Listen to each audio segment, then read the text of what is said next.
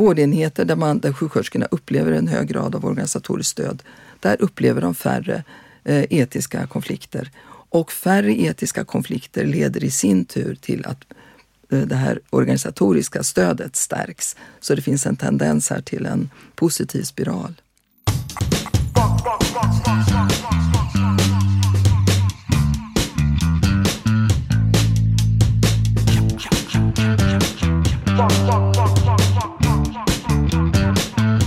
Hej och välkommen till Akademiliv, podden från Salgrenska akademin som är den medicinska fakulteten vid Göteborgs universitet. Podden görs av oss kommunikatörer. Idag med mig, Elin Lindström. Och med mig, Karin Alander. Och gäst idag är Marianne Törner. Välkommen. Tack så mycket. Du är forskare inom arbets och miljömedicin och forskningsansvarig för området säkerhet, organisation och ledarskap. Mm. Och du har undersökt hur den psykosociala arbetsmiljön, ledarskap och ar arbetsorganisationen påverkar säkerhet i arbetet för flera olika yrkesgrupper. Bland annat så har du tittat på byggindustrin, flygindustrin och kärnkraften. Men idag ska vi fokusera på din forskning om vården. Mm, du har ju varit ansvarig forskare för en stor studie som har undersökt sjuksköterskors arbetsmiljö. Och den här studien har nyligen resulterat i en bok som heter Hälsobringande sjukvård för personal och patienter. Och vi kommer snart in på resultaten från den här studien. Men eh, jag skulle vilja att vi först börjar med att beskriva problemet. Eh, har vi brist på sjuksköterskor i Sverige? Ja, det tror jag att vi kan vara ganska eniga om allihopa. Och det problemet tror jag är så väl, väl känt och etablerat att det tror jag alla som jobbar i den sektorn skulle skriva under på. Hur skulle du beskriva det här problemet? Eh, ja, alltså många sjuksköterskor, eh, eller en del sjuksköterskor lämnar det kliniska arbetet eh, och går till utvecklingstjänster och det kan ju finnas olika orsaker till det. Men sen är det också många sjuksköterskor som helt och hållet lämnar sin anställning.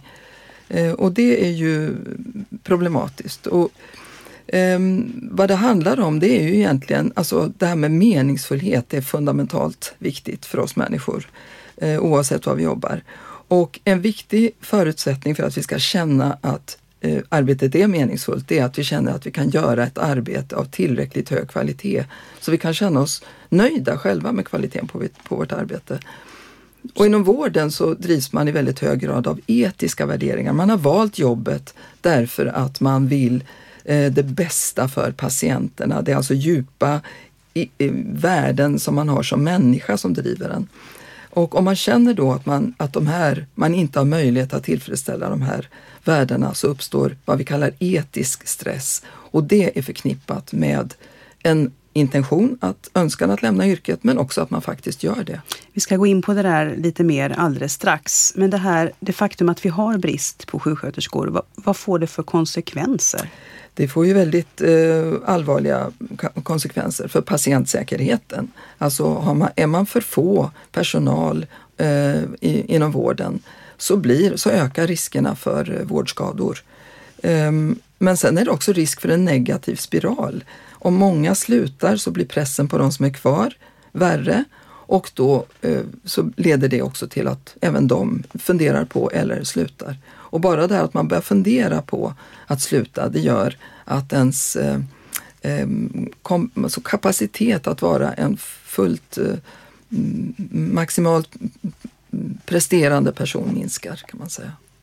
Eh, du säger att patientsäkerheten påverkas av det här med mm. sjuksköterskebristen, att det inte mm. finns tillräckligt mycket personal i verksamheten. Eh, hur då? Vårdskador nämnde du. Ja, alltså om man, om man är för få, om, man är för, om bemanningen är för låg så att man känner att man hinner inte med göra eh, ett kvalit högkvalitativt arbete så uppstår stress som jag sa tidigare då. Och stress gör att man inte har tillgång till sina egna eh, individuella resurser. Man blir helt enkelt dummare av stress. Det innebär också att kollegorna är också stressade och det innebär att man har inte tillgång till de kollektiva resurserna i teamet. Stress gör att eh, när man känner på det här sättet och arbetet är på det här sättet så kan man uppleva uppgivenhet. Man kan också ofta avgränsa sitt ansvar. Ja, ja, jag tar hand om det här, men det där får någon annan eh, sköta. Och man blir mindre av en organisatorisk medborgare, brukar man säga. Då. Ehm, och, ehm, om man har en hög personalomsättning bland de yngre så blir ju också pressen på de erfarna som ska handleda de yngre väldigt hög. Eh, och då kan det bli så att även de erfarna börjar fundera på att sluta. Nu har vi ju haft ganska mycket fokus på de negativa aspekterna här, men i den här boken så har ni valt att fokusera på friskfaktorer. Mm. Alltså faktorer som får sjuksköterskor att vilja stanna kvar. Ja. Varför har ni valt det? Därför att vi tror att det är det som bäst kan hjälpa till i organisatorisk utveckling.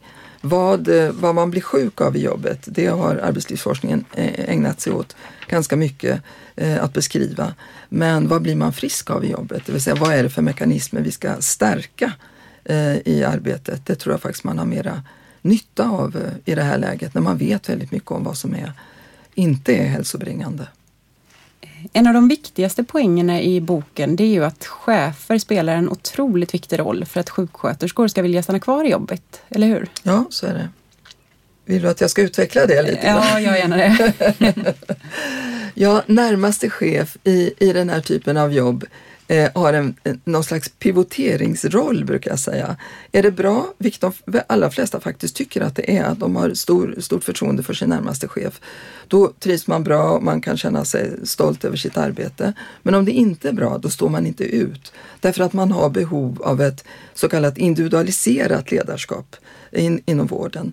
Där chefen ser en, ser ens behov, försöker att eh, göra sitt bästa för att eh, tillmötesgå dem och ge individualiserad feedback och så vidare. Så att, eh, Pivoteringsroll, det ja, var ett nytt ord för mig ja, får jag säga. Ja, det, har jag, det är ett hittepåord förmodligen men eh, ja, du förstår vad jag menar. Nej, jag gör inte det. Nej. Förklara. Jo, alltså just det här att är det bra så är det bra. Då är det väldigt bra. Då, alltså, då har man väldigt stort eh, stöd av sin chef.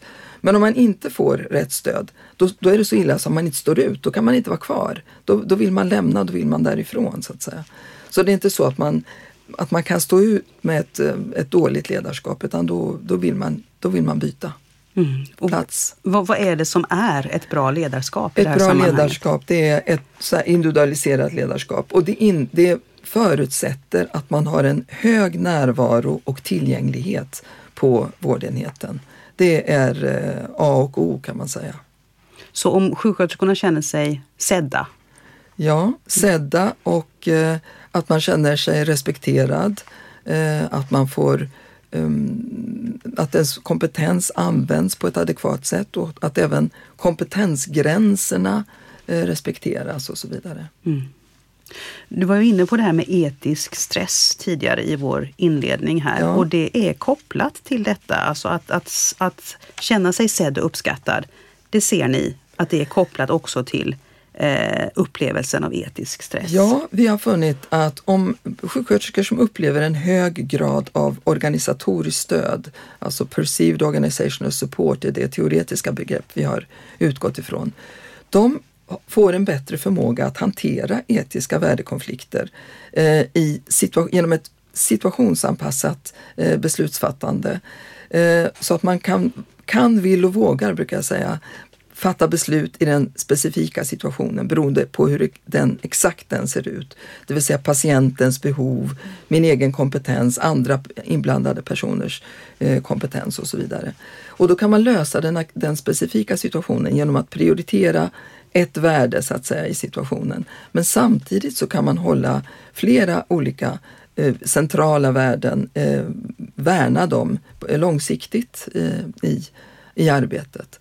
Så det hjälper sjuksköterskorna att lösa eh, etiska värdekonflikter utan att det orsakar etisk stress. Jag undrar om vi skulle kunna konkretisera här på något sätt. Har du något, kan du ge ett exempel på en situation eh, ja, som gör att vi förstår lite bättre ja, hur du menar? Ja, eh, jag har ett exempel på en, en etisk eh, konflikt kan ju vara att man känner att man skulle verkligen behöva ägna den här patienten eh, mycket, mycket tid just nu. Samtidigt så finns det krav på administrativa uppgifter, tvingande administrativa krav så att säga.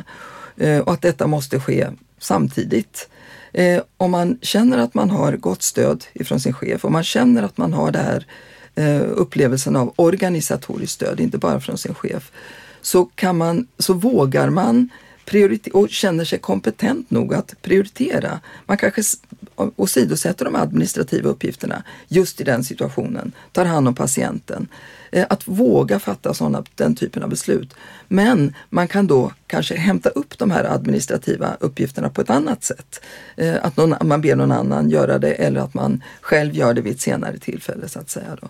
Men att man faktiskt vågar prioritera utefter vad man själv bedömer vara det korrekta beslutet i situationen. Och också lita på att de här andra uppgifterna blir genomförda, att det kommer ja, tillgodoses på något sätt precis. i organisationen. Ja, långsiktigt så att säga då. Mm.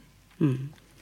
Det är väldigt spännande resultat som ni har hittat här i, i, er forskning. Kan du berätta lite mer om hur eh, ni har gått tillväga? Jag förstår att ni både har använt eh, kvalitativa och kvantitativa metoder. Ja, eh, vi har, dels gjorde vi en så kallad longitudinell enkätundersökning, det vill säga man gör undersökningen, genomför den vid två olika tidpunkter och då var det ett år emellan.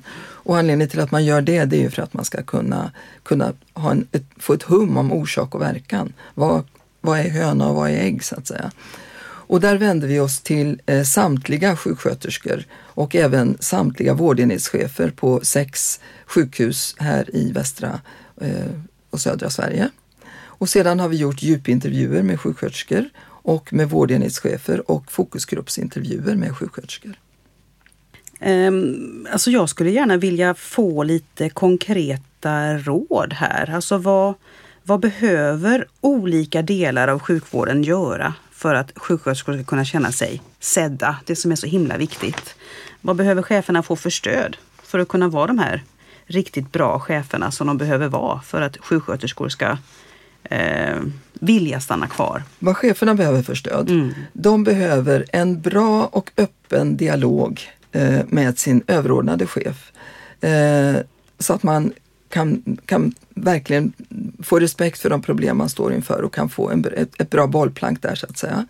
De behöver autonomi, eh, viss autonomi för att kunna göra anpassningar av beslut eh, hur de ska implementeras på den specifika vårdenheten. Därför att förutsättningarna på olika vårdenheter ser olika ut och man behöver kunna anpassa eh, till det. Sedan behöver man också ett bra HR-stöd eh, och gärna i form av en långsiktig relation med en och samma HR-expert. Det finns en tendens till specialisering inom HR så att varje HR-expert får ett specifikt område att jobba med. Det innebär att eh, vårdenhetschefen måste ha kontakt med flera olika HR-experter beroende på vilken typ av fråga som det gäller. Och då kan man inte bygga den här långsiktiga relationen. Och anledningen till att den, den här långsiktiga relationen är så eh, bra, det är att båda parter, HR-expert och, och eh, eh, framförallt HR-experten, eh, lär känna vårdenheten i fråga och vårdenhetens förutsättningar och den specifika vårdenhetschefens förutsättningar och kan alltså erbjuda ett effektivare och bättre stöd. Och sedan behöver man också stöd ifrån sina chefskollegor eh, så att man kan ha en öppen dialog om gemensamma problem eh, men också gärna eh, framför många ett, ett delat ledarskap och det kan se ut på olika sätt. Det kan vara att man har ett rent delat ledarskap men ofta efterfrågas ett, ett biträdande ledarskap så att, att man har någon som kan avlasta framförallt administrativa uppgifter. Så stöd av HR och möjlighet att vara autonom i sin chefsroll och kunna ha en öppen dialog med chefskollegor. Det är några av de sakerna som är betydelsefulla här för att chefen ska kunna uppfylla sin del av dealen så att säga gentemot sjuksköterskor som jobbar på avdelningarna. Hur ser det ut när det gäller de här sakerna? Finns de möjligheterna på plats upplever du? Ja, det ser väldigt olika ut. Eh, vi har ju, eh, vi har ju sett att på vissa enheter så fungerar det här väldigt bra och där är man väldigt nöjd med det så att säga. Medan på andra enheter så fungerar det inte. Och det är därför som vi har kunnat se att det finns, eh, eftersom det ser olika ut på olika vårdenheter, så har vi kunnat konstatera att det påverkar i den kvantitativa studien. Det påverkar eh, den typ av stöd som vårdenhetscheferna får.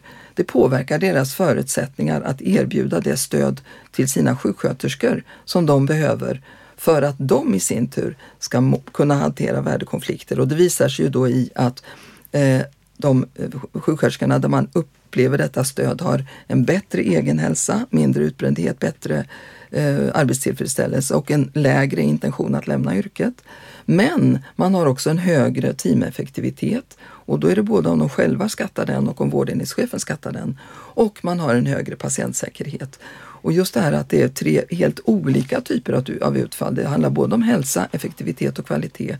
Det indikerar ju att eh, Ehm, man faktiskt har förmåga att hantera värdekonflikter på ett bättre, ett effektivare sätt.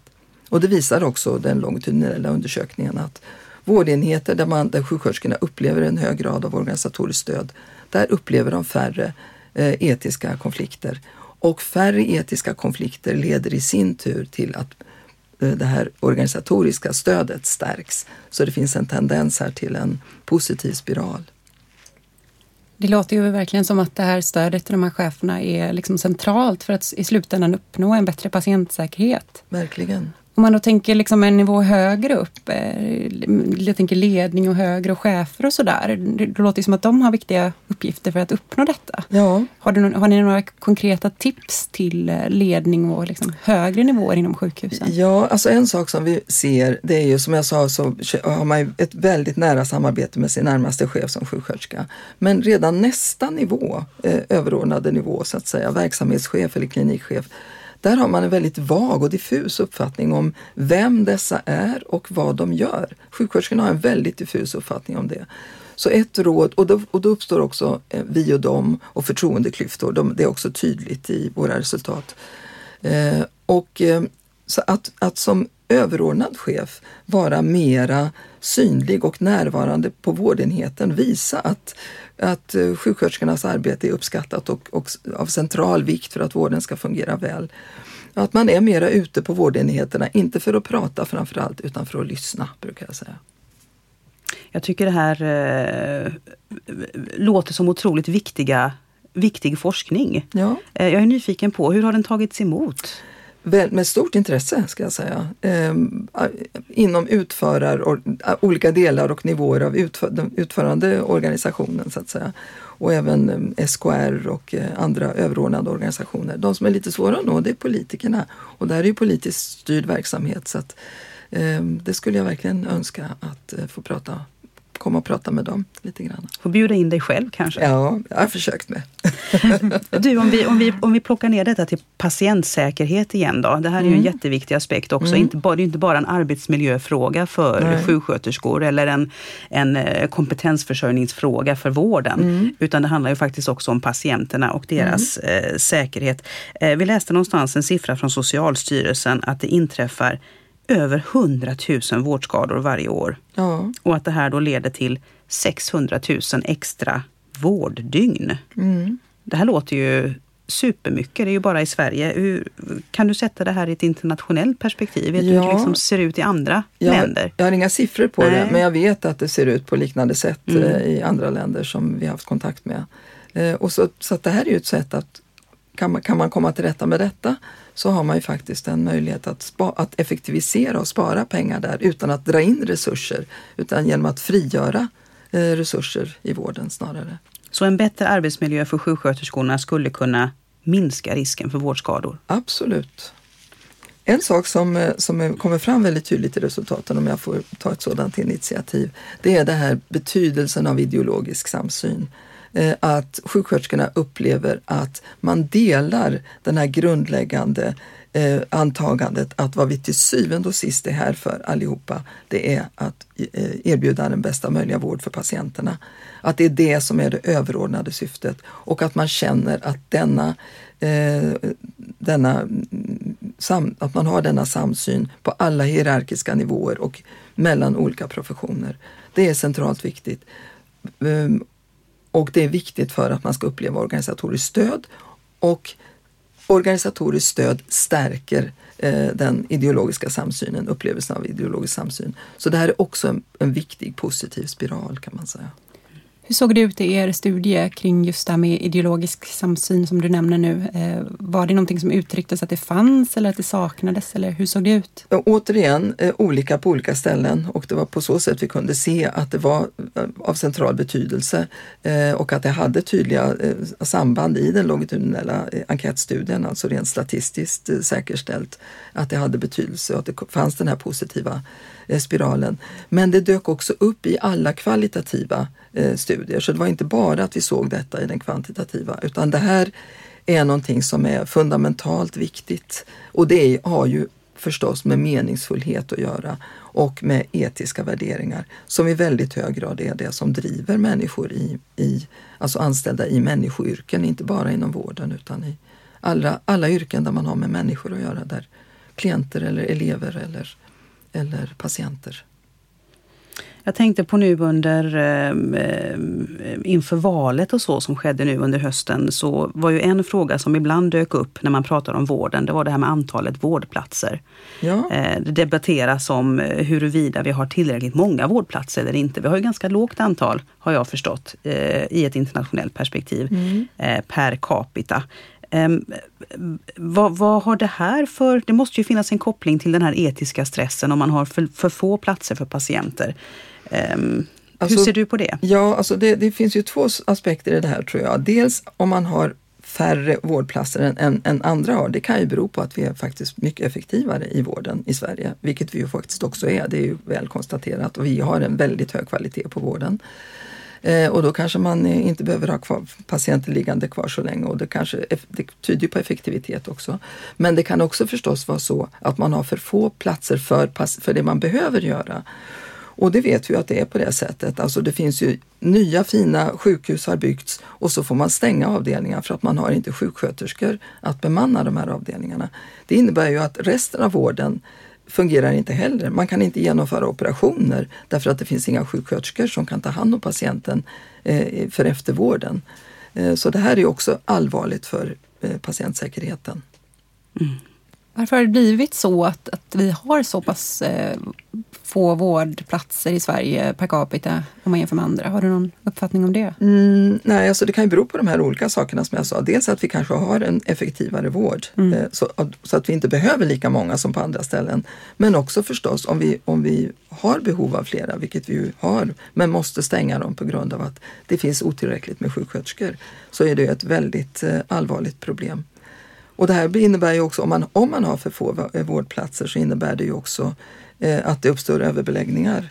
Eh, och då finns det en intressant tysk studie som publicerades för några år sedan. Där har man gjort en undersökning, en mycket noggrann studie eh, eh som omfattade eh, drygt 82 000 patienter i sex högrisk, alltså i specialiteter där det finns hög risk för mortalitet, alltså det kan vara mm, ja, olika hjärt-kärloperationer och såna här saker. Då. Och det, det omfattade 256 eh, kliniker på 83 eh, tyska sjukhus. Stor studie. Jättestudie och väldigt väl genomförd. Och där kan man konstatera, man, de har tittat på hur sju dagars mortaliteten, det vill säga hur många patienter som dör inom sju dagar efter att man har tagits in. Eh, och, och, hur det relaterar till beläggningsgrad. Och då ser man att det finns en, ingen stor, eh, alltså det, det ligger på ungefär samma nivå, mortaliteten, eh, när beläggningsgraden stiger upp till en tipping point, alltså en brytpunkt. Eh, då sticker mortaliteten iväg. Och det, det handlar om en beläggningsgrad på 92,5 procent. Där sticker mortaliteten iväg på de här specialiteterna om beläggningsgraden blir högre än så. Och då kan man ju stilla fundera över hur många sjukhus som har en beläggningsgrad som är under 92,5 procent. Det är inte många. Det låter ju som att man skulle behöva planera in att ha lite luft i systemet då helt enkelt. Absolut. Alltså det, finns, det är ett tidigare projekt som vi har gjort så ser vi att om det finns lite redundans i bemanning när allting flyter som smort då klarar man sån här ökat tryck på, som beror på olika saker. Det kan bero på ökat vårdtryck, det kan bero på tillfällig sjukfrånvaro för, bland personalen, för de är också människor och kan drabbas av influenser och annat. Men då klarar man det men utan att behöva ta in tillfällig personal. Och det här blir en positiv spiral på, på en mängd olika sätt som gynnar både patientsäkerhet, personalsäkerhet och en, eh, en, att man känner att man kan erbjuda en hög kvalitet på vården och att man på sådana vårdenheter gärna vill vara kvar. Medan på enheter eh, där, där, där det är så slimmat att det funkar eh, alltså det, det är liksom dimensionerat efter att allt ska löpa som smort. Där uppstår, så fort det då uppstår ett ökat vårdtryck av någon anledning så uppstår det personalbrist. Då måste man ta in tillfällig personal.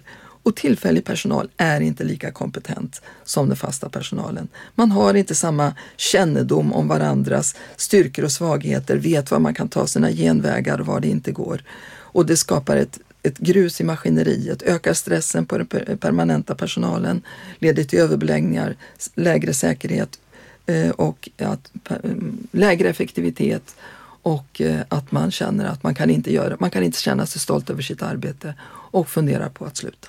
Så den här positiva spiralen som ni har identifierat faktorer för så att säga, den kan också gå åt andra hållet då naturligtvis ja, och bli en negativ spiral. Precis, och allting handlar om att det ska finnas ett litet extra utrymme när allt löper som smort. För det kan man behöva också för att hämta igen och för att för ut, alltså utveckla, eh, utveckla sig tillsammans i teamet professionellt.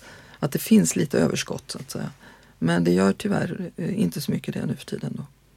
Jag tänker att det låter ju också som att det finns en spännvidd här mellan effektivitet och säkerhet. Förstår du vad jag menar? Det är väldigt nära kopplat ja. till vartannat. Mm. Alltså det är ju så med sådana här värdekonflikter att de, man kan inte alltid prioritera det ena värdet eh, i en värdekonflikt därför att då uppstår snart en sån brist i det andra värdet att man inte längre kan tillfredsställa det första värdet. Ska man bara satsa på högsta kvalitet hela tiden och nedprioritera effektivitet, ja då kommer det leda till att man har så lite resurser att man inte längre kan erbjuda god vård. Så man måste kunna balansera den här typen av alltså effektivitet, kvalitet eh, eh, i, i, sitt arbete då, långsiktigt. Men, men det gör man bäst genom att man kortsiktigt kan prioritera ett värde i den specifika situationen så att säga. Mm. Ja, du har ju tittat på den här eh, spännvidden, eller den här konflikten som du beskriver nu, eh, även inom andra sektorer, inte bara hälso och sjukvården. Ja. Bland annat i, i samband med bygget av Öresundsbron. Ja. Eh, andra forskare i Danmark de gjorde en studie som visade att det är betydligt vanligare med dödsolyckor bland byggarbetare i Danmark jämfört med Sverige. Det var fyra gånger så hög risk bland danska byggjobbare, visade den där studien. Eh, och du samarbetade med de här forskarna sen för att försöka förstå vad den här skillnaden egentligen berodde på. Eh, vilka faktorer var det som ni kunde identifiera här? Sverige, ja, Danmark, byggarbetare. Ja, ja, det var ju i, eh, i Öresundsbrobygget som man fann den här skillnaden på att det var fyra gånger fler dödsolyckor bland danska. Och då satte vi igång, då tyckte vi att det här var intressant för det är ju två länder som för övrigt är väldigt lika varandra. Eh, och eh, då gjorde vi en undersökning och då tittade vi lite mer noggrant på eh, olycksfallsstatistik under de senaste 20-30 åren och då fann vi att det var i, i byggindustrin specifikt så var det 45 procent mer dödsolyckor i dansk industri, än byggindustri än i svensk. Och det kvarstod även när vi hade justerat för en del systematiska skillnader i branschstruktur, könsstrukturer och ja, yrkes, olika fördelningar på olika typer av yrken och så. Så det här var vi väldigt eh, intresserade av. Vi gjorde, där gjorde vi ett jättestort projekt i ett samarbete med en dansk forskargrupp där vi genomförde samma delstudier i båda länderna på, på, på i stort sett samma sätt. Eh, och vi undersökte mm, attityder bland byggnadsarbetare. Vi tittade på hur ledarskapet såg ut och bedrevs. Vi såg på Eh, hur man hade planerat eh, bygg, byggprojekt. Vi tittade på hur Arbetsmiljöverket och Arbetstillsynet arbetade. Vi tittade också på hur, eh, hur, det såg ut i skolorna, hur bygg, alltså byggprogrammet i Sverige och motsvarande i Danmark, hur det var organiserat. Eh, och eh, hur, vilka attityder som eleverna hade som gick de här programmen då. Och det gjorde vi en longitudinell undersökning där med enkäter under de tre följande åren i, i byggprogrammet för att vi skulle kunna se hur det här eventuellt utvecklar sig. Och det var väldigt intressant. Men om man, för då, vi, vi kunde, när vi liksom gjorde en syntes av de här resultaten så växer det fram ett mönster som är konsistent. Och det handlar om att man i Sverige har ett mer delaktigt eh, ledarskap, alltså att man involverar medarbetare Eh, i planeringsprocesser och beslutsprocesser.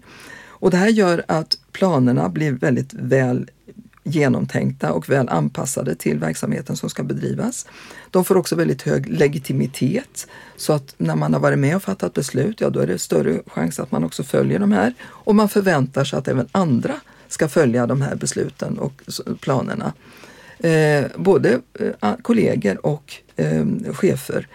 Och det här att man är själv är delaktig, det skapar också stor meningsfullhet och eh, eh skapar en samarbetsanda.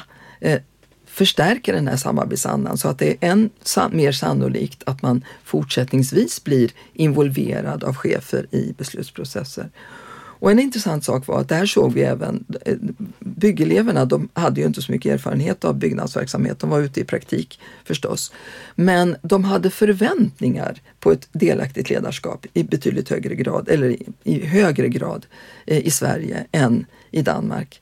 Och alldeles särskilt intressant var att de, den här skillnaden förelåg eh, redan när de började byggprogrammet. Så det här är no, en attityder och förväntningar som svenska ungdomar har tillägnat sig under sin uppväxtår. De kanske har lärt sig något i skolan som är väldigt viktigt men som man inte mäter med PISA-undersökningar till exempel. Nu tänker jag ställa en fråga som du kanske inte kan svara på. Ja. Men eh, jag funderar på kopplingen mellan det här med bygg och med vård. Ja. Tror du att man kan se att det kan finnas liknande förväntningar på eh, delaktighet inom vård och att det också påverkar eh, arbetsmiljön eh, för, för sjuksköterskor i Sverige. Om man nu skulle tänka sig, jag menar är det här liksom ett kulturellt fenomen i Danmark eller är det begränsat till byggbranschen? Det är väl det, den frågan vill jag, jag ställa. Förstår. Alltså jag tror att detta inte är begränsat till byggbransch. Jag tror att det här vi brukar tala om som ett skandinaviskt ledarskap, det är egentligen ett svenskt ledarskap.